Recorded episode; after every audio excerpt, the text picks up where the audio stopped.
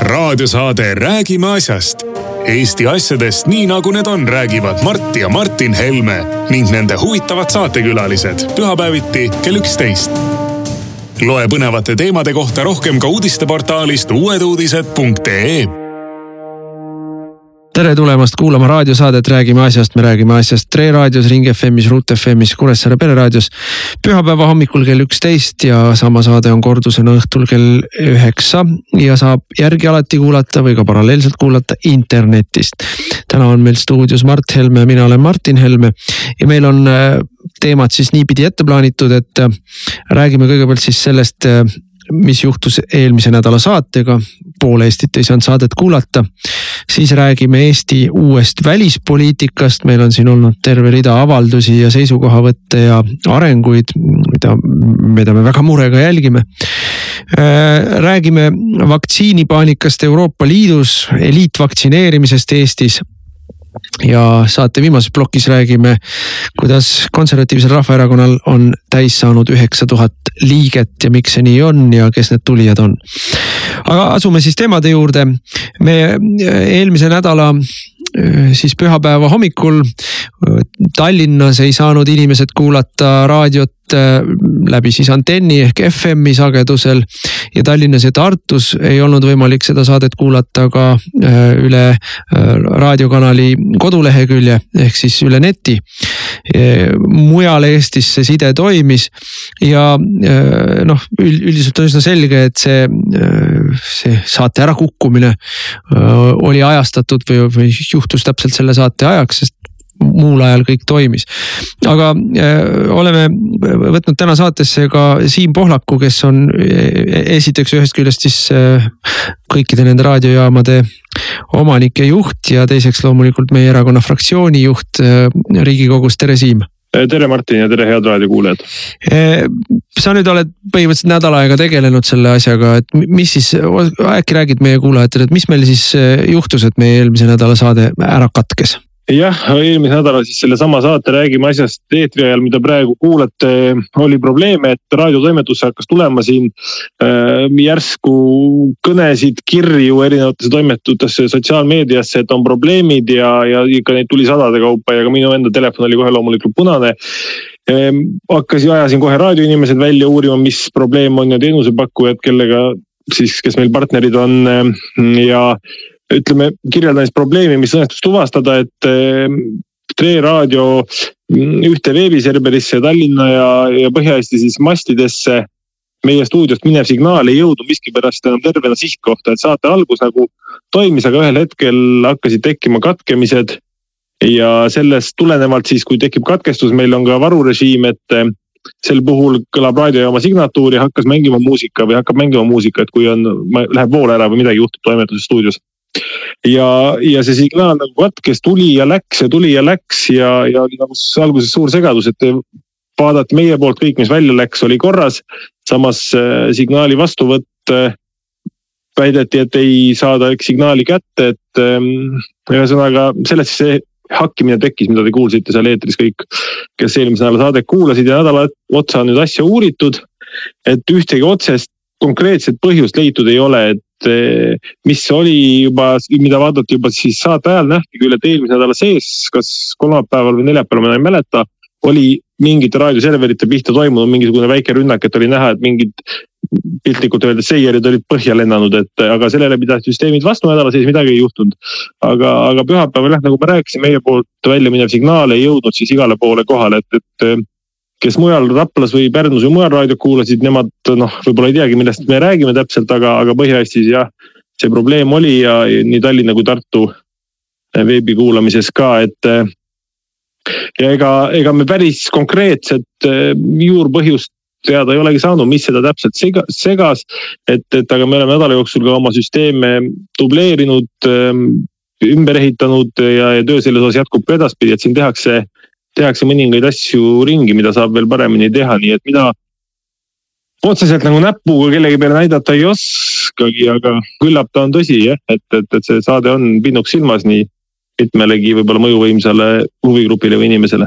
aga eh, see on ju fakt, eks ole, meie tegime saate ära, meilt läks signaal välja ja teisel ja. pool siis öeldakse, et see signaal ei jõudnud nendeni, noh, meil noh, elame siin kahekümne esimese sajandi tehnika ajastul, neid vidinaid juhtmeid ja, ja ülekandeid ja, ja, ja, ja, ja mis kõikvõimalikku tehnikat siin ütleme siis stuudio ja, ja masti vahel, noh, ütleme piltlikult öeldes on mm., on omajagu äh, igasugused suuremad IT-firmad, kes siin vahendavad, et kuskil toimus ju mingisugune katkestus, aga sinu äh, nii-öelda nädalase uurimise äh, tulemusel justkui nagu midagi ei olegi meie kätte ei saanud seda jah, et, et kus see katkestus oli, ütleme, et meie, meie poolt läks kõik ilusasti välja ja, ja meie seda kätte ei saanud enda poolt kahjuks jah. aga äh, ma ei ole vandenõuteoreetik ja, ja julgen küll väita, et keegi, kellel on mm, Eesti kõige parem tehnoloogia äh, pealtkuulamiseks,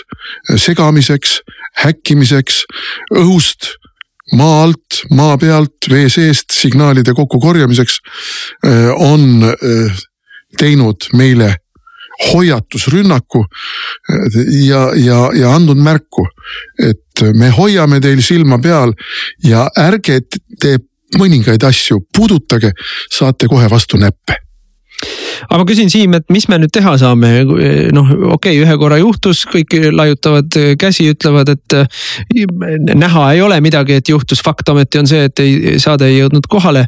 aga mis me nüüd, mis me nüüd teha saame, et oma kuulajatele kindlustunnet anda, et, et see, et meie käime siin stuudios, tähendab, et nemad kuulevad ka, kuulevad ka saadet jah, et no eks jah, et me ütleme niimoodi, et meie, minu või Tre raadio kontrolli all olevatest süsteemidest me ei leidnud jälgi, et väljapoolt jah, me väga otsida ei saa ka ja, ja loomulikult on siin erinevaid teenusepakkujaid vahel ja nii edasi, aga eks me, me olemegi jah oma süsteemi dubleerinud, teinud, mida saab veel kus paremini, et oleks võimalik, kui ei saa otse, saaks minna natukene ringiga sinna masti piltlikult öeldes ja nii edasi, et, et, et sellega me oleme tegelenud jah, ja, ja kui Mart rääkis siin, et jah, et hoiatuseks või ega Eesti on väike ja ma ütlen, võin nagu ausalt öelda, mulle on ka mõista antud. Äh, ma ei tea siis, kas hoiatuseks või hirmutamiseks, et ma peaksin ka oma raadio tegemistes nagu ettevaatlik olema, et, et loomulikult need pole mingid ametlikud teated olnud, aga.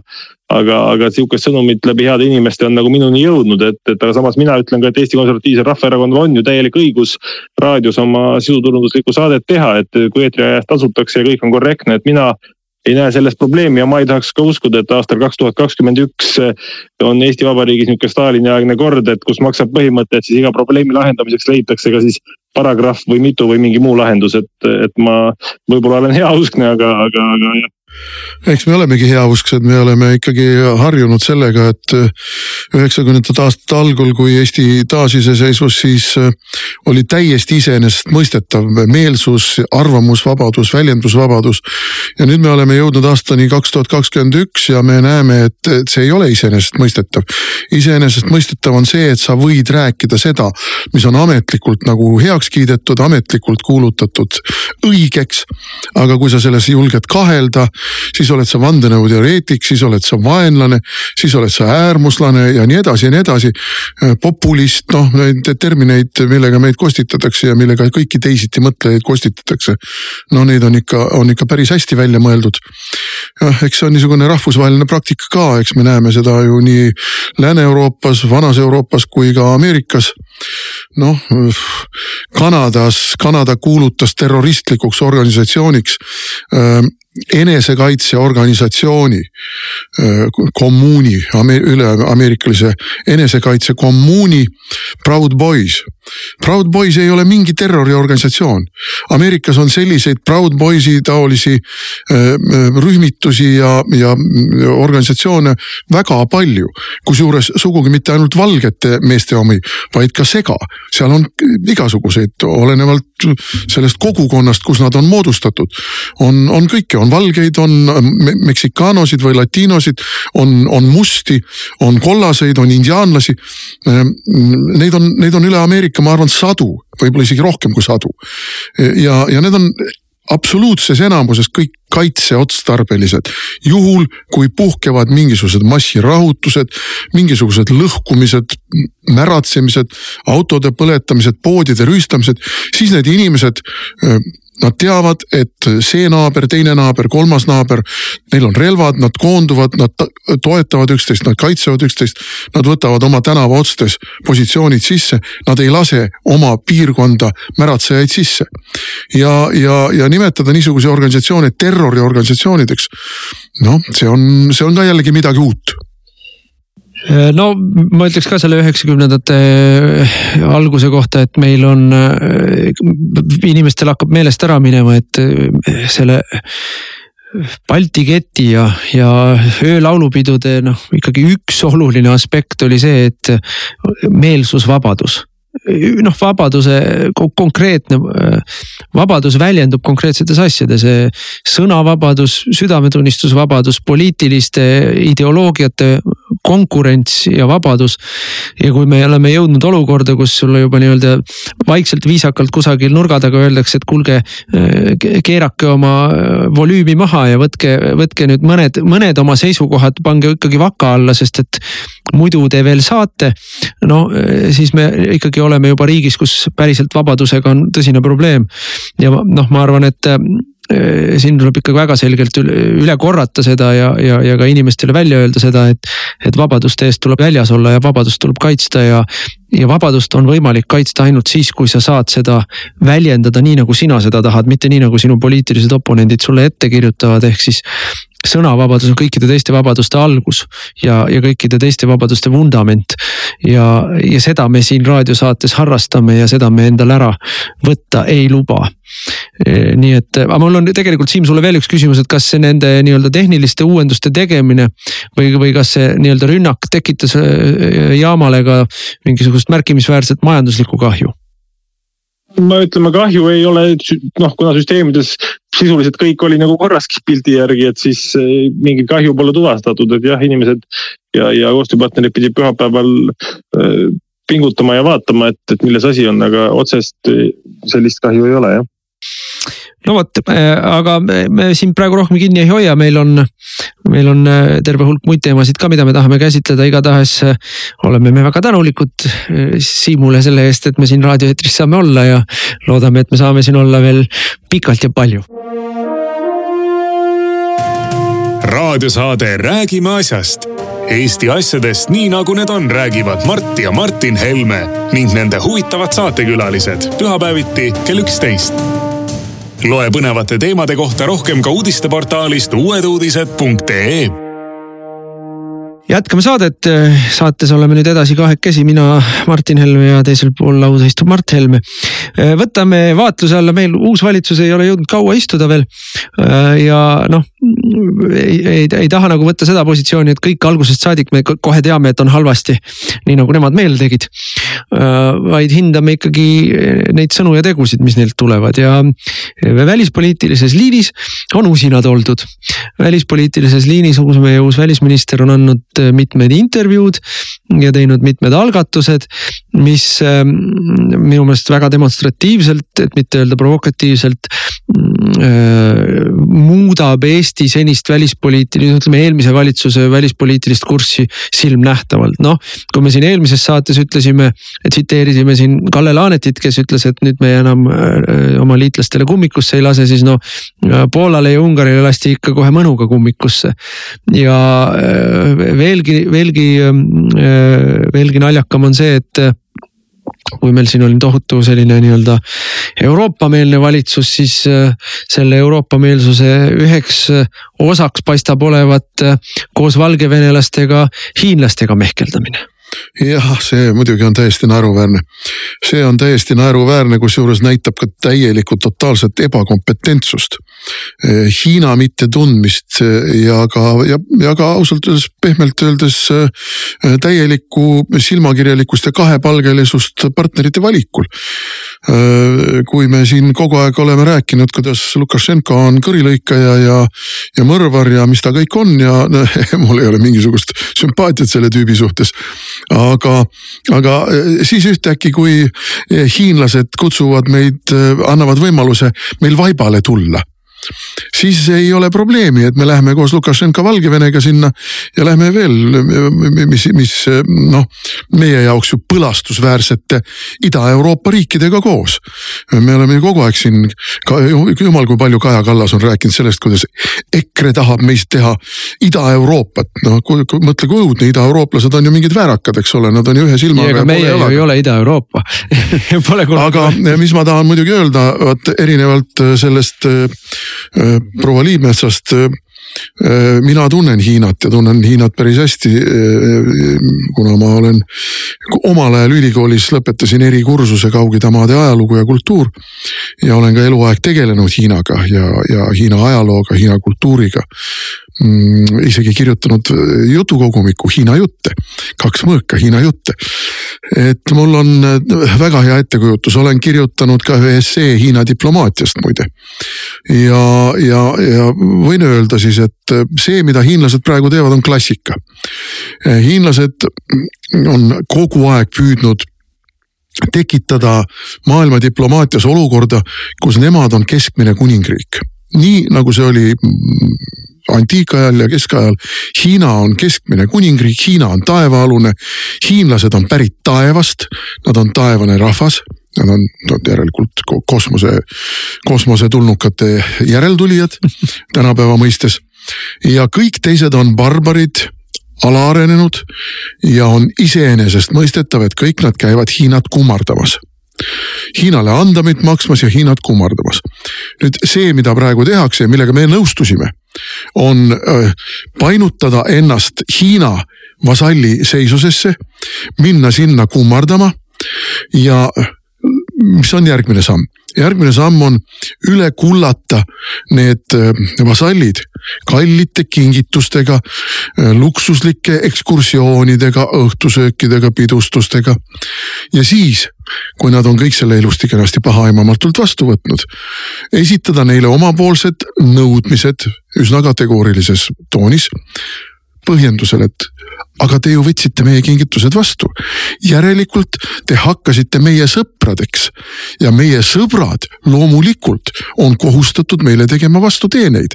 see on Hiina diplomaatia, no hästi primitiivselt lühid, lühidalt ja nii edasi, siin on nüansse palju, äh, millest võiks rääkida no, omaette eraldi saateid.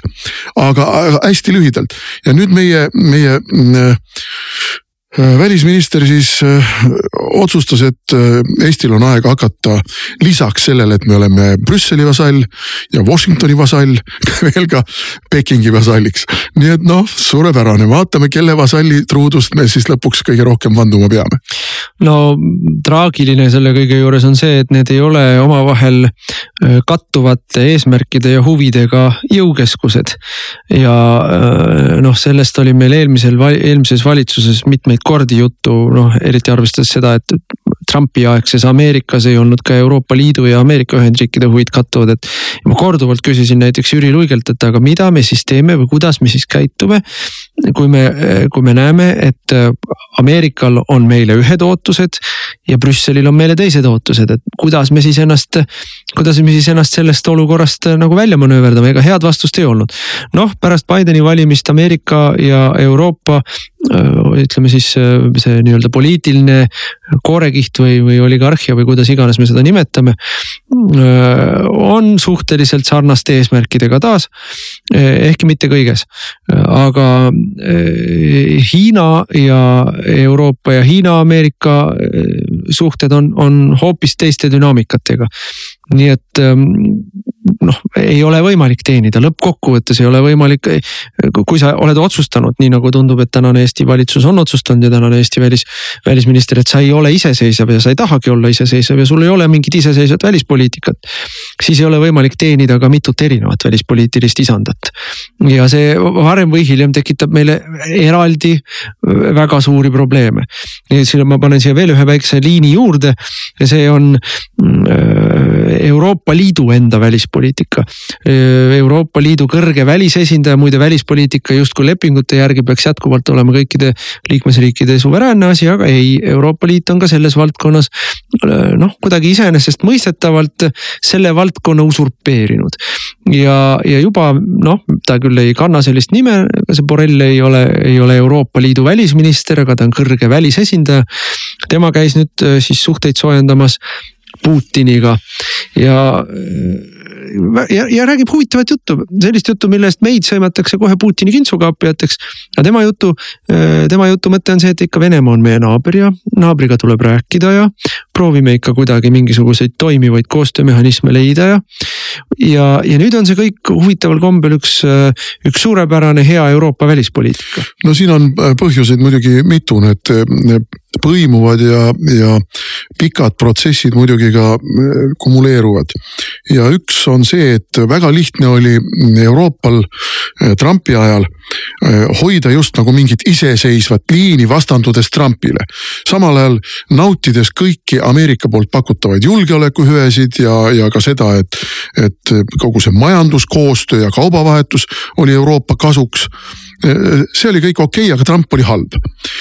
nüüd ideoloogilises plaanis on tulnud neile igati vastuvõetav partner Bideni ja tema administratsiooni näol.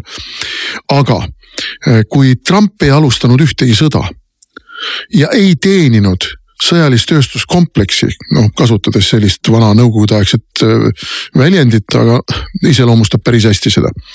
siis Biden äh, on täielikult selle sõjatööstuskompleksi äh, esindaja presidendina ja, ja Bideni välispoliitika kõne või välispoliitika seisukohad, nii palju kui need praegu ilmnenud on, on täiesti üheselt kokkupõrkekursil Venemaaga ja miks Borrell läks Moskvasse, miks Borrell esines seal hambutult ja nagu Mihkelsonid meil siin ütlevad, äh, täielik läbikukkumine.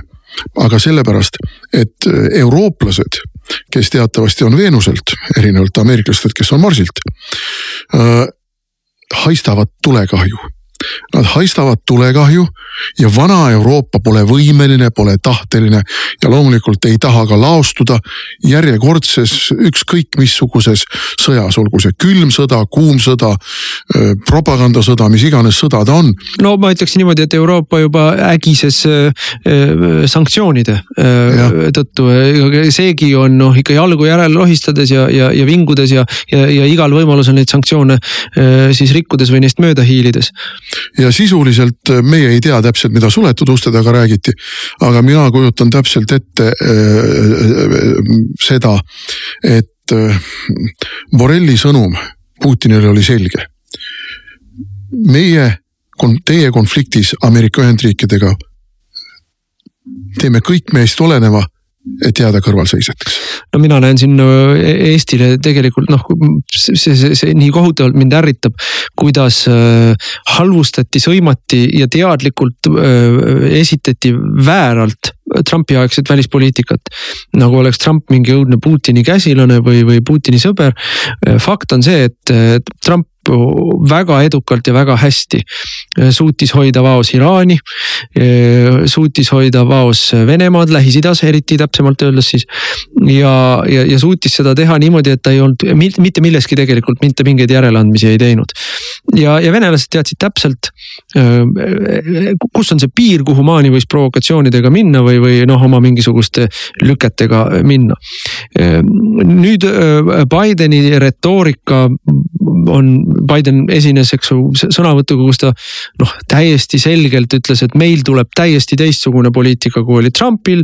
sellist pugemist venelastele ei ole, nagu oli Trumpil, noh minu arust väga konfliktne, väga konfliktne retoorika. ei no kõigil lisaks lubati ju igal pool sõdima hakata. jah, ja väga provokatiivne ja äh, äh, noh provokatsioon seda tähendabki, et teine pool noh, mingit noh, sunnitakse tegema mingisuguseid samme, millele siis on võimalik jõuliselt vastata. ja, ja nüüd ja nüüd ja, ja minu, minu meelest nagu see, kui meil on nagu ka, korraga kaks väga problemaatilist julgeolekuprobleemi. esimene probleem on see, et Euroopa noh, sisuliselt saadab välja sõnumi, et te, tehke, mis tahate, peaasi, et ei läheks suureks tüliks. mis noh, kui me destilleerime selle nagu viimase, viimase kristallini ära on, et me oleme valmis teile kui vaja on, siis andma siin eriõigusi Baltikumis või kus tahate. ja, ja teisest küljest siis Ameerika ja Vene suhete siis ütleme, selline teravnemine võib tähendada omakorda jälle seda, et Moskva võib üritada mingit provokatsiooni teha noh, oma, oma lääne, läänepoolsetes suundades, on see siis Ukrainas rohkem või on see siis Baltikumis või, või, või, või kuskil, ma ei tea, Balkanil või, või, või võib ka olla Lähis-Idas. aga noh, see on, see on väga halb ja väga ohtlik kokteil. ja ma arvan, et siin on veel üks moment ja see on Venemaa sisepoliitika moment ja see puudutab seda Naval-, Navalnõid ja kogu seda, kogu seda värvilist revolutsiooni, mis seal vaikselt tuuritab. ka see sunnib Kremli paratamatult astuma mingisuguseid jõulisi välispoliitilisi samme näitama muskleid, näitama sõjalist võimsust. Eh, et eh, näidata nendele, kes ei ole Navalnõi liini peal, kes ei ole Navalnõi toetajad, aga võib-olla, kes ka mingil määral seal tõesti kõiguvad ja ütlevad, et nojah, et Putin on ka vanaks juba jäänud. Eh, et, et neile öelda, et ma ei ole vanaks jäänud ja Venemaa ei ole nõrgaks jäänud. me paneme ennast maksma, me oleme jõukeskus, meil on jõudu ja kõik kardavad meid ja ma kardan küll, et see niisugune laiamine, mida me praegu näeme mm, see ei anna Ameerikale soovitud tulemust, läänele tervikuna soovitud tulemust. küll sunnib aga Putinit astuma samme mille peale teised hakkavad kukalt kratsima. aga noh, see tähendab seda, et niisuguste, niisuguste vastastikuste kärukeeramiste tulemusena loomulikult pinge eskaleerub ja mingil hetkel võib siin tekkida lühis ka Baltikumis no seda hetke ju meie valitsus uljalt valmistab ette äh, sotsiaalmajandusliku katastroofi korraldamisega Ida-Virumaal oma põlevkivipoliitikaga. Äh, noh enam lihtsamat, enam lihtsamat kandikul pakutud varianti annab välja mõelda.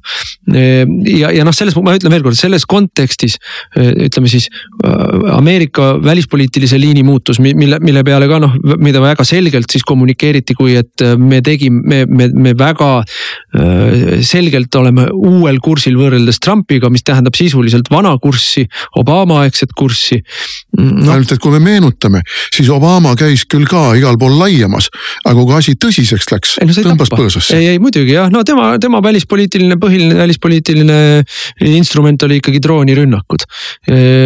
noh, mis ei, mis ei, mis ei ole nagu tõhus asi, et see, see ei ole, see ei ole välispoliitika. droonirünnakud Lähis-Idas ei ole välispoliitika välispoliitika. ja äh, see, see, see komplekt, mis või noh, see, see kombinatsioon, mis on, on, on tekkimas.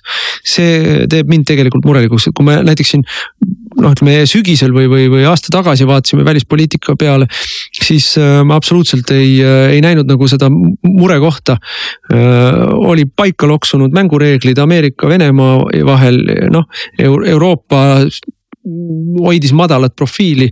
ma arvan, et ka Borrelli visiit praegu Moskvasse saadab väga selge sõnumi, et nad hoiavad nii madalat profiili kui vähegi võimalik. ja, ja see on omakorda noh, vaata ega Vene, Vene riikliku mõtlemise selline loogika on, et nõrkus on, või ütleme, viisakus on nõrkuse märk, noh, see on selline ikkagi bütsantsilik arusaamine asjadest. ongi nõrk ju. jah, ei, viisakus on nõrkuse märk ja kui sa, mida viisakam sa oled, seda, seda rohkem võib sult välja pressida. kus on, kus on mingi Euroopa armee? Kus on mingi Euroopa välispoliitika, ei ole ju ja ei saagi olla. ei no Euroopa. ei saagi olla ja ei tule ka. Euroopa armee ülesehitajaks oli ehk siis ähm, ütleme siis Saksa, Saksa kaitseministriks oli inimene, kes ei, kes ei saanud hakkama ei relvahangetega ega vaktsiinihangetega. nojah, praegu muidugi tehes kõrvalepõike nüüd Euroopa Komisjoni tõmblustesse, no sõna otseses mõttes tõmblustesse, siis noh, minu arvates nii palju, kui mina mäletan neid Euroopa Komisjone no nii armetut komisjoni ei ole veel olnud, nii saamatut, nii äh, ideologiseeritut nii liikmesriikide iseseisvatesse otsustusprotsessidesse sekkuvad samal ajal. kui on see äh, Ursula von der Leyeni äh, komisjon, aga noh, ma lugesin ühte artiklit, see on muide ka lühendatult ja koondatult meil Uutes Uudistes reedel vist ilmunud. ja, ja, ja seal muide nii-öelda Briti vaatenurk Euroopa Liidu, liidus ja Euroopa Komisjonis toimuvale. ja seal öeldakse, et see on, see on Äh, täiesti ideologiseeritud äh, bluffimine, äh, lepingute mittetäitmine, mis puutub Brexitisse ja brittidesse. brittide sundseisu panemine, et britid omalt poolt peavad lepingut rakendama hakkama nende nii-öelda erandklauslite alusel.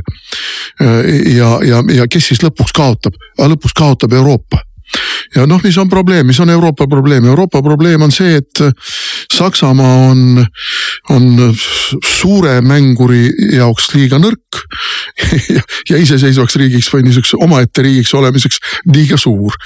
ja, ja, ja nii ongi, et Euroopat. nii on juba sada aastat. Euroopat ta juhtida ei suuda, aga iseenda juhtimisega on ka natukene noh, jõudu liiga palju ja, ja rikkust ja, ja kõike liiga palju.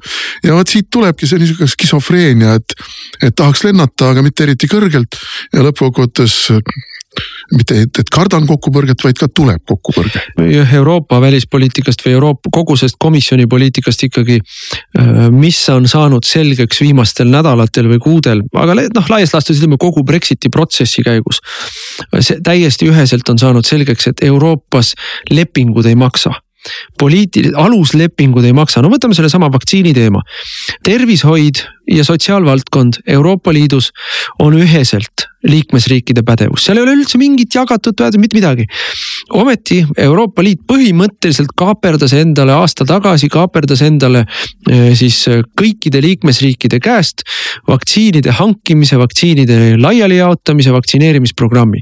ilma, et tal oleks selleks pädevust, ilma, et tal oleks selleks lepingulist õigust, ilma, et tal oleks õrna aimu ka, mida üldse selle jaoks tegema peab ja, ja noh, tulemus on käes, Euroopa on maailmas põhimõtteliselt noh, ütleme siis niimoodi, et arenenud maailmas kõige viimane aga kogu maailmas ka üsna kehval kohal oma vaktsineerimistempoga. kui siin Ameerikas on üle kümne protsendi inimesi vaktsineeritud, Suurbritannias üle viieteist protsendi vaktsineeritud, Iisraelis nelikümmend midagi protsenti inimesi vaktsineeritud. Saudi Araabia, eks ole, noh ka rikas riik, aga, aga vähe rahvast suhteliselt. kolmkümmend protsenti inimesi vaktsineeritud. Euroopas keskmine on seal all natuke üle kahe, paremates riikides natuke üle kolme. et äh, isegi Serbias on rohkem, isegi Serbias on rohkem rohkem vaktsineerituid kui Euroopas, sest Serbia muide ei ole Euroopa Liidu liikme, liige, eks ole. et äh, noh ja, ja, ja me näeme, noh, me oleme seda ju korduvalt näinud, et kuidas Euroopa Komisjon ideologiseeritult noh, selgelt äh, kaaperdab endale lepingutes mitteolevat võimu ja siis ei saa sellega hakkama. aga seekord selle mitte hakkama saamise tagajärjeks on kaks tagajärge on sellel, üks on see, et inimesed surevad palju rohkem kui muidu sureks ja teiseks Euroopa majandus vireleb kriisis kuude kaupa rohkem kui peaks, sest et seda, neid nii-öelda sulgemisi või, või piiranguid ei saa lõpetada, kuna vaktsineerimisprogramm ei ole edenenud. ja, ja, ja selle tulemuseks omakorda on, on, on, on eskaleeruv või süvenev äh, majanduskriis, millel on väga äh, kiiresti äh, siis siirded poliitilisse kriisi. see, mis toimub praegu ikkagi Itaalias, on agoonia ja, ja esimest korda Euroopa Liidu ajaloos nõutakse valjuhäälselt nii Euroopa nii-öelda institutsioonide seest kui ka liikmesriikide poolt, et komisjoni esimees tuleb maha võtta. see on tegelikult pretsedenditu olukord, aga komisjoni esimeest maha võtta ei saa, sellepärast et uue komisjoni presidendi kokkuleppimiseks ei ole Euroopas praegu mingit üksmeelt. noh, selles see probleem ongi Brüsseli jaoks, et nad ei saa uut komisjoni kokku. Ja, ja noh, see tähendab seda, et, et Euroopa Liit sisuliselt äh, lakkab toimimast. Ja need direktoraadid võivad seal ju töötada, usinad ametnikud jätkavad äh, oma, oma tavapäraseid toimetusi, aga noh riikide toetus, poliitiline väljund, poliitiline sisend, see, see lakkab olemast, see lakkab toimimast. ja muidugi väga iseloomulik on see, et praegu Ursula von der Leyeni saamatuse kompenseerimiseks pidi sekkuma Mammi Merkel noh, see, see, see näitab ka ikkagi midagi, et noh, Euroopa kõige suurem, kõige rikkam, kõige mõjukam riik pidi selles kriisis, et asi täiesti lõplikult käest ära ei läheks, pidi võtma selle noh, mingisugusegi juhtimise enda peale, mis näitab noh, minu meelest väga kujukalt, missugusesse entroopiasse on Euroopa Liit jõudnud no,, see... aga mitte ideoloogilisse entroopiasse. ideoloogia läheb järjest raivukamaks. ma muidugi ütlen, et sakslased iseenesestmõistetavalt käsutavad komisjoni, sakslased ja prantslased üldiselt arvavad noh, ma ütleksin, et praktikapõhiselt arvavad seda põhjendatult. et, et komisjon ikkagi esimeses järjekorras täidab nende poliitilist tellimust. aga see, miks praegu Merkel sekkus, selle põhjuseks on sisepoliitika. Saksamaal seisavad ka valimised ees. Prantsusmaal muide ka seisavad valimised ees ja, ja, ja Saksamaal on noh, meie meediast muidugi keegi seda ei näe ja ei kuule, seepärast et noh. Need ei ole uudised, mida Eesti inimestel on vaja teada. aga äh, Saksamaal on äh, tohutu sisepoliitiline mürgel sellesama vaktsineerimise läbikukkumise tõttu. ja äh, noh, lõppkokkuvõttes äh, ikkagi klassikud ütlevad, et kõik, iga, kõik poliitika on alati kohalik, sest su valijad on kohapealsed. et äh, Brüsseli isandad on, on kaugel, aga su valijad on, on sinuga samas ringkonnas. ja eh, see ütleme vaenulikkus või, või kriitika, mis Saksamaal kõlab Euroopa Komisjoni, Euroopa Liidu suhtes on Saksamaa kontekstis enneolematu. sellist asja Saksamaal ei ole varem nähtud. Nad on maksnud neid igasuguseid eurovõlgasid ja kriisisid ja asju teinud, aga, aga nüüd on, nüüd on nad vihased. ja seda enam on see naljakas, et Saksamaal ei ole ju kunagi olnud mingit sellist asja nagu euroskepsis või Euroopa Liidu kriitilisus või eurovastasus, et isegi Alternatiiv für Deutschland. Nende põhiline kriitika Euroopa Liidu vastu on olnud see, et, et euro kui ühisvaluuta on viga olnud noh, ja nad on muidugi ka immigratsioonivastane erakond, aga see on pigem sisepoliitiline asi see, on, see on mingi, mingisugune nähtamatu piir on, on minu arusaamist mööda ületatud. ja äh, arvestades seda, et majanduskriis järjest süveneb, äh, riikide eelarvekriisid järjest süvenevad. selles kontekstis ma tahan veel kord üle rõhutada, et see majandusseis, mille meie andsime järgmisele valitsusele üle, on Euroopa üks parimaid. Äh, aga, aga teistes Euroopa riikides on seis ikkagi väga-väga hapu no see ei takista Kaja Kallast rääkimast Guardianile, kuidas me oleme äärmusradikaalne erakond ja meie ajal olid Eesti piirid hermeetiliselt suletud. oh oleks ainult ja, ja mida kõike ta seal kokku valetab, vot noh, uskumatu, et pealtnäha nagu kena inimene. aga nii kui suu lahti teeb, nii hakkab sealt vale välja voolama. et noh, see on ikka väga-väga kummaline no,. mis on, mis, mis mind, mis mind alati hämmastab, minu meelest meie ei ole mitte kunagi, mitte kordagi käinud välismaal oma riiki või oma noh Eesti asju kirumas. see on, see on nii halb toon minna kuhugile, ma ei tea, Inglise punaste lehte kaeblema selle üle, kui, kui, kui halvad inimesed on teised eestlased. või, või kui koledad inimesed on teised Eesti poliitikud, et esiteks, keda väljaspool Eestit huvitab ja teiseks noh vaidle, vaidle kodu, oma, oma, oma küla asjad klaari omas külas. ei no aga siin ongi see, see vahe, et meie äh, tegeleme Eestiga, me, me tahame Eestit edendada Eesti rahvast äh, toetada, kaitsta, Eesti rahva elu paremaks teha. aga nemad ei vaata seda asja niimoodi, nemad räägivad ju kogu aeg Euroopast ja euroopalikest väärtustest. aga noh, selles kontekstis tulles tagasi nüüd meie nii-öelda iseseisva välispoliitika juurde, mida, mille eest lõplikku loobumist me oleme nüüd eelneva kahe nädala jooksul väga selgelt näinud sellega seoses on, on väga märgiline see nii-öelda euroopalikele väärtustele tuginemine äh, meie suhtluses põhjanaaber Soomega, kus äh, vahetult ministriks saanud Liimets läks siis kauplema läks kauplema, äh, et meie pendeltöötajad saaksid koroonale ja Soome-poolsetele sanktsioonidele vaatamata edasi-tagasi pendeldada. noh, ja ei saanud sealt mitte midagi vastupidi, öeldi, et meid teie seisukoht ei huvita. me teeme nii, nagu meie õigeks peame, ehk teiste sõnadega Soome, keda ei saa küll mitte euromeelsuses kahtlustada. eriti Soome praegust valitsust. kui isegi Soome punased, isegi Soome punased ütlevad, et kui küsimus on Soome huvides, siis me järgime Soome huvisid ja paneme need Euroopa huvid ja väärtused tagaplaanile. ja mis siis tegi meie välisminister, meie välisminister kukkus kaebama äh, läks, hakkas kaeblema Euroopa Komisjoni poole, kuidas Soome ei, ei juhindu euroopalikest väärtustest. mitte Läti ka ei juhindu aga mis näitab ka seda, et meie diplomaadid tegelikult ei ole ju mingid diplomaadid, vaid nad on alati öelnud nagu me oleme ka ministritena näinud. ei, ei, ei, siin ei ole Eestile midagi kahjulikku. Need asjad on meie huvides. me saame, see täiesti vastab meie huvidele. me saame täpselt seda, mida me tahame. ehk teiste sõnadega kogu aeg sõita kellegi suurema kiiluvees, vaadata, missugune kujuneb suuremate ja, ja tegelikult tõepoolest diplomaate omavate ja poliitikuid omavate riikide kauplemise tulemusena niisugune keskmine ja siis katsuda ka sinna keskmise peale, keskmise ree peale ennast sokutada. see on nii masendav. ei no see on kognitiivne dissonants, et kõik, mida otsustatakse Brüsselis, mõeldakse endale kasulikuks või õigeks, et äh, ükskõik, mis see otsus on, isegi kui ta ei ole kasulik või õige, siis äh, esimese asjana hakatakse ratsionaliseerima seda, miks see on meile kasulik ja õige ja hea ja siis hakatakse seda selgeks tegema siis äh, Eesti publikule. Et, noh, see on noh, tegelikult see on noh, täpselt risti vastupidine sellele, mida, mida nagu üks diplomaat peaks tegema, et sa teed selgeks, mis on Eestile kasulik ja hea ja siis sa lähed seda ükskõik kellele välismaal siis seda nii-öelda müüma. mitte sa ei lähe välismaalt tulnud sõnumit Eesti sisepublikule müüma, aga noh. kõik meie diplomaadid peaksid äh, tutvuma äh, tuhande kaheksasaja viieteistkümnenda aasta Viini kongressi materjalidega, Viini kongressi materjalidega. kus äh, võib näha ja eriti tähelepanelikult peaks lugema Prantsusmaa esindajate tegevust, tegevusega tutvuma.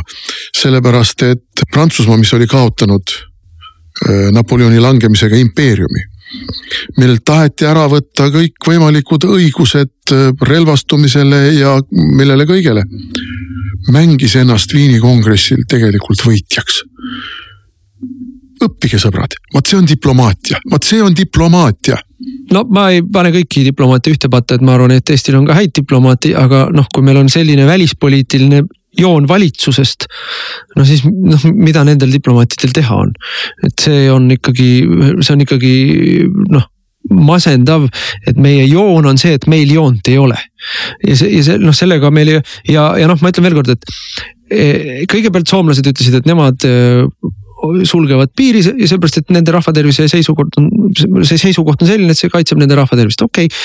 selle peale karjuti, et oi-oi-oi, Euroopa reeglid ei luba, noh täna on Läti ütelnud sama asja. mis me nüüd hakkame kõikide oma naabritega siis nagu jaurama ja lähme nii-öelda kitume õpetajale ära kuskil seal Brüsselis. Et kahepoolseid suhteid tuleb omavahel ajada, need on meie naabrid, nendega tuleb niimoodi rääkida nagu ja kõigele lisaks tuleb ka mõista teiste riikide ütleme siis nii sisepoliitilist kui, kui, kui, kui mingit noh, ütleme siis suveräänset soovi mingeid oma, oma huvisid kaitsta, et see, see, et meie ei suuda oma suveräänseid huvisid defineeridagi, rääkimata nende kaitsmisest. noh, me ei tohiks, me ei tohiks vähemalt seda hoiakut võtta, et teistel peaks sama halvasti olema ma, ma nagu, ma ütleksin, et võtame parem teistest eeskuju, mitte ärme arva, et te, teised on need, kelle käitumine on siis nagu kuidagi vale või halb. Minu meelest see nii ei ole. nojah, mis siin ikka rääkida, ega kui ei osata ja kui ei taheta, siis ei tulegi midagi välja ja noh, nii ongi ma ütlesin, ütlesin ka siis, kui ma ETV Plussis käisin väitlemas, noh Pevkur oli seal ja kes seal veel olid, eks. koroona Pevkur. koroona Pevkur jah, et ega ma vaatan seda teie valitsust ja, ja ütlen Krõlovi valmisõnadega, et teie sõbrad, kuidas ka ei istuks, muusikutena ei kõlba kuskile. et vahetage toole nii palju kui tahate, muidugi toolivahetusest äh, minu poolt äh, väga armastatud laulja Koit Toome tõepoolest mulle Koit Toome kohutavalt meeldib, mulle, mulle meeldib see, kuidas ta laulab, mulle meeldivad tema lood, mulle meeldib tema isiksus, noh, on mõned korrad õnnestunud ka temaga silmast silma kohtuda ja rääkida. ja aga kui nüüd. sattus portsu otsa, ütle. kui talle tehti nüüd ettepanek ministriks hakata, no tubli poiss, et ära ütles. et see, missugused reaktsioonid olid meie ajakirjanduses, see on ka muidugi väga kõnekas. Meie ajakirjanduses hakatigi rääkima sellest, kuidas joo, vaat näed, need võiksid olla meil ministrid ja need võiksid olla ministrid ja. ja ametnike hulgast võiks leida ja, ja kuskilt muusikute hulgast võiks leida. et, et ühesõnaga kogu sellest diskussioonist tuli välja üks väga selge asi. meie ajakirjanduse jaoks, kes ju oma meelest teebki meil valitsusi, on kõik sobivamad ministriteks kõik sobivad paremini valitsusse, välja arvatud professionaalsed poliitikud. vaat need ehk, ei inimesed, kõlba saanud. Need ei kõlba mitte kuskile, mis sellest, et nemad on mandaadi saanud, et nad on kandideerinud. et nad noh, on poliitikas sees mingil määral ikkagi tunnevad seda köögi poolt, kes paremini, kes, kes halvemini. kes on andekam poliitik, kes vähem andekas poliitik. aga noh, on, on selge, et poliitika on väga spetsiifiline professioon. ja nüüd siis tullakse, tullakse meile pakkuma pakkuma, pakkuma, ma ei tea seinast seinagi ükskõik keda, ükskõik mis ettevalmistus tal on, ükskõik mis haridus tal on, see polegi tähtis, peaasi, et ta ei oleks poliitik no äh, minu äh, reaktsioon sellele loole, kui ma lugesin seda, et niimoodi keegi helistab ja pakub, pakub. no ma saan aru, et mitte ainult ühele lauljale, vaid siin on neid pakkumisi tehtud rohkemgi. et äh, mina ütleks vastu, et jaa, muidugi ma tulen ministriks, aga sa tule tee minu eest järgmine kontsert ära. et noh, see noh, see peaks minu meelest nagu ära kirjeldama, kui jabur see on, eks ole, et, et mis me nüüd räägime, et see, see noh, selle jaoks, et poliitikas kuidagigi hakkama saada, tuleb aru saada üldse, kuidas see toimib, me oleme näinud ju küll ja küll ka suurärimehi, kes on poliitikasse läinud, kes oskavad juhtida, kellel on isik, isiksust ja kellel on noh, ütleme seda nii-öelda juhi omadusi. Ja aga enamik neist on poliitikas ikkagi kõrbenud, sest poliitika ei ole ka äri poliitika on poliitika. ja, ja noh, see, see, see hoiak jah, aga ma arvan, et see, et ajakirjandus seda hoiakut kultiveeris. et eh, see on palju küünilisem, kui pealtnäha veel paistab ja selle, selle, selle küünilise eh, soo-, soovunelma eh, kirjeldamine, et kõik ministrid ja kõik riigikogulased võiksid olla siin meil mingid noh, põhimõtteliselt meelelahutajad vist. või, või riigiametnikud, selle taga on Äh, selle taga on soov, mm, et meil oleks äh, valitsuses ja riigikogus inimesed, kes ei topiks oma nina ja ei saaks aru, kes juhib riiki päriselt ja kuhu teda juhib päriselt. minu meelest on, ma loen siit välja sellist salasoovi. no siin on ka tahe, erinevad ideoloogilised platvormid poliitikast täiesti välja lülitada. me näeme praegu seda muide Itaalias kus äh, iga hinna eest jällegi sisuliselt Euroopa Komisjoni nõudmisel püütakse vältida järjekordseid erakorralisi valimisi, äh, mille võitjateks oleksid parempoolsed rahvuslikud jõud äh, Berlusconi ja Salvini ja loomulikult Salvini, kes on kohtu all, kes on ju vaata et saatana võrdkuju Euroopa Komisjoni jaoks, ei tohi võimule saada tagasi. mis sellest, et tal on rahva hulgas väga suur toetus. kusjuures ma Itaalia kohta ütlen veel, e, eelmised parlamendivalimised Itaalias võitis Salvini ja äh, sai korraks ka võimule, mängiti out'i ja järgmised valimised ta ka võidab. ja selle jaoks, et ta ei saaks võimule, selle jaoks tehakse siin igasuguseid kummalisi kombinatsioone, et, et noh, kõik, kes seal praegu võimu on teostanud viimased, viimase aasta ja, ja, ja praegu üritatakse äh, seal uut valitsust kokku panna. Äh, kõik nad on tegelikult ilma mandaadita või väiksema mandaadiga võrreldes Salvini. no vot ja siis räägitakse sellest, kuidas Itaalias tahetakse teha spetsialistide valitsust. ma mäletan omal ajal, kui siin olid äh, Mart Siimanni ja, ja veel mõned niisugused jõulurahu valitsusekesed meil, siis ka rääkida sellest, et ei noh, äh, poliitikute asemel peaksid tegelikult riiki juhtima spetsialistid. aga kes need spetsialistid siis on ja missugust poliitikat need spetsialistid teevad? Ja mis suhe on neil siis erakondadega? Ja milleks meil üldse on erakondi vaja siis? Ja milleks me teeme valimisi, et noh, see kõik on niivõrd jabur ja skisofreeniline skisofreeniline. kes seda kõike dirigeerib? seda kõike dirigeerib süvariik, kes tahab, et poliitikas, riigi juhtimises oleks inimesed, keda on lihtne manipuleerida, kes ei saa sellest aru, mida nad teevad, kes on seal eelkõige oma edevusest ja realiseerivadki seal oma edevust. ja nendega on ju väga lihtne hakkama saada, aga ametnikega, noh, siin on meil juba oma liinid käima pandud piisavalt hästi nojah, põhimõtteliselt kas ei saa aru või ei taha või ei taha sekkuda. noh, ma olen ise näinud oma silmaga kaheaastase valitsuses olemise jooksul ministritest, kes on läinud ministeeriumisse alguses ikkagi selle plaaniga, et hakkaks nüüd midagi tegema. ja mõne nädalaga aru saanud, et see tegemine on nii raske et parem mitte torkida. nojah, seal on, on, see on jällegi selline kihiline pirukas, et ühelt poolt pead sa äh, pead sa äh, veenma ametnikke, et sa ei ole neile ohtlik teisest küljest pead sa veenma ametnikke, et neil läheb hästi, siis kui sinul läheb hästi. ja kolmandaks pead sa neid veenma selles, et, et sul läheb hästi, siis kui nad teevad seda, mida sina tahad ja mida sa oled valijatele lubanud. ja, ja, ja, ja, ja nende veenmine selles ja, ja, ja nendega selle niisuguse koostöö saavutamine ei ole sugugi lihtne. ei no lisame siia veel ühe mõõdu juurde, sa räägid praegu ainult ministeeriumi sisesest elust, aga lisaks sellele on sul vaja veenda koalitsiooni fraktsioonikaaslasi.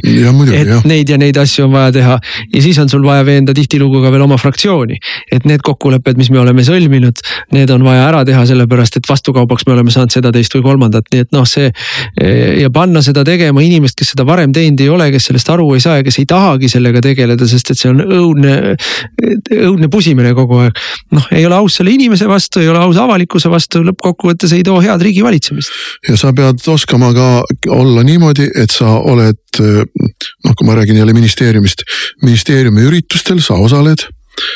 aga sa pead säilitama selle distantsi, et sina oled minister, sa ei ole ametnik ja ametnik ei ole minister ja, ja see nõuab ka teatud vilumust inimeste juhtimisel ja võib-olla ka teatud iseloomuomadusi no vot, eh, oskame kõik rääkida, kuidas ministeeriumeid juhitakse, aga ministri, ministeeriumeid me praegu kahjuks ei juhi. selle tagajärjel, et meid eh, valitsusest eh, maha joosti. selle tagajärjel on tõeline EKRE buum tekkinud Eestis. meile on laekunud põhimõtteliselt alates noh, ütleme viimase kahe nädala jooksul on laekunud natuke vähem kui viissada liitumisavaldust, nelisada kuuskümmend kaheksa või mingi number, mida ma siin eelmisel nädalal. me võiksime uue erakonna jah, et laias laastus siin ütleme need, need väikeerakonnad, kes punnitavad äh, kuude kaupa, et saada kokku oma miinimumnumber. meile tuli kahe nädalaga ja me ei ole kõiki neid jõudnud liikmeks võtta, sest meil noh, see protsess on, kõigepealt tuleb taustakontroll teha, siis need äh, kohalikud organisatsiooni äh, juhatused võtavad nad vastu, saadavad andmed keskjuhatusse või keskkontorisse ja noh, see protsess võtab kõik natuke aega. aga sellest hoolimata oleme me äh, ületanud siin sellel nädalal üheksa tuhande liikme piiri. Ja, ja see kasv jätkub, see kasv jätkub. Ja see on oluline, mõningad asjad, mis võib-olla esmapilgul tunduvad noh, lihtsalt kuidagi noh, eufooria nii ja noh, ei ole. poliitikas nii nagu igal pool mujal, kõige tähtsam on ikka inimesed, kõige tähtsam on see, et sul on inimesi, kes tahavad teha, kes oskavad teha, kellel on motivatsiooni ja vaadates nüüd oktoobris toimuvaid kohalikke valimisi noh, ütleme see, et meil on praegu liitumiste laine, see, et meil on praegu populaarsuse kasv ja, ja päris korraliku tempoga populaarsuse kasv. see on täpselt õigel ajal, sest et ega, ega kohalikeks valimisteks ei valmistuta mitte septembris. kohalikeks valimist-, valimisteks valmistutaksegi praegu, see on käima läinud praegu. nimekirjade koostamine, programmide koostamine, meedia, meediaplaani tegemine, kampaaniaplaani tegemine, kogu see logistika. enam paremal ajal ei oleks saanud seda lainet tulla meie jaoks. ja, ja, ja, ja selle pinnalt ma vaatan väga väga julgelt ka äh, sügiseste valimiste poole. Äh, meil niikuinii on erakonna sees selline väga kõrge motivatsioon ja inimeste teotahe ja, ja noh, meil ei ole mingisugust sellist. noh, erinevalt näiteks Isamaast, kus on ikkagi väga hapud meeleolud erakonna sees. Äh, meil ei ole niukseid selliseid lüüasaamismeeleolusid. no siin oli ju, ma ei tea, see oli Martin Laine muidugi propagandatöötaja, noh kirjutas äh, sapise ja, ja, ja halvustava artikli meeleheide EKRE sõprade klubis. et missugune masendus siis haaras, aga mina ütlen, et mingit masendust ei ole. mina olen käinud, käisin Tartus, käisin Pärnus, käisin Haapsalus. kus ma siin veel olen käinud, Tallinna inimestega olen kohtunud. mingit masendust ei ole, vastupidi ma julgen öelda, et vahepeal inimesed olid natukene nõutud, kuna nad ei osanud meie valitsuses tegemistele kaasa, kaasa nagu mängida. Nad ei saanud aru, mis on täiesti arusaadav, et, et realiige ei saa aru, mis mängud käivad koalitsioonis ja kuidas ministeeriume juhitakse ja mida erakonna juhid seal teevad ja tegema peavad. no tuleb ka öelda, et ega me mõlemad me, me olime ikkagi selle valitsuse tööga väga palju suurema koorma all, me ei jõudnud ka erakonnaga nii Just palju suhelda. ja nüüd on inimesed tohutult õnnelikud juhid on tagasi, juhid suhtlevad meiega, juhid ütlevad meile nüüd teeme seda, seda, seda, seda. ja, ja ma ütleks, et praegu on niimoodi, et, et tuli katla all on, on tohutult lõkendab. aur on üleval, vaata, et siin natuke tuleb vilega auru välja lasta isegi. ja, ja me paneme sellele vedurile sellise vaardi peale, et, et me ja äh, ma ka vaatan väga optimistlikult tulevikku. Äh, see valitsus, mis nüüd on tulnud, on järjest pannud lauale asju, mida me oleme rõõmsalt kaks aastat kinni hoidnud ja selle üle uhked, et hoidsime kinni. ja see kõigile, kes siin vahepeal noh, ütlesid, et noh, olid seal valitsuses, aga päris midagi nagu kõiki asju korraga ära ei teinud. tuletab kõigile inimestele meelde, mm, mida me tegime ära, aga mida me ka ära hoidsime. ja, ja see on, see on ka oluline meelde tuletada. nii, ja ma olen täiesti kindel, et me oleme varsti jälle valitsuses tagasi. Aga tänaseks on meil aeg läbi saanud kui ka valitsusest tagasi saame, siis selle saatega ikka jätkame. ükskõik millise järgmise valitsuspartneri meelehärmiks ja kuulake meid ikka jälle pühapäeva hommikuti kell üksteist. Te kuulasite raadiosaadet Räägime asjast. saate eest tasus Eesti Konservatiivne Rahvaerakond. järelkuulamine internetis treeraadio.ee ja uueduudised.ee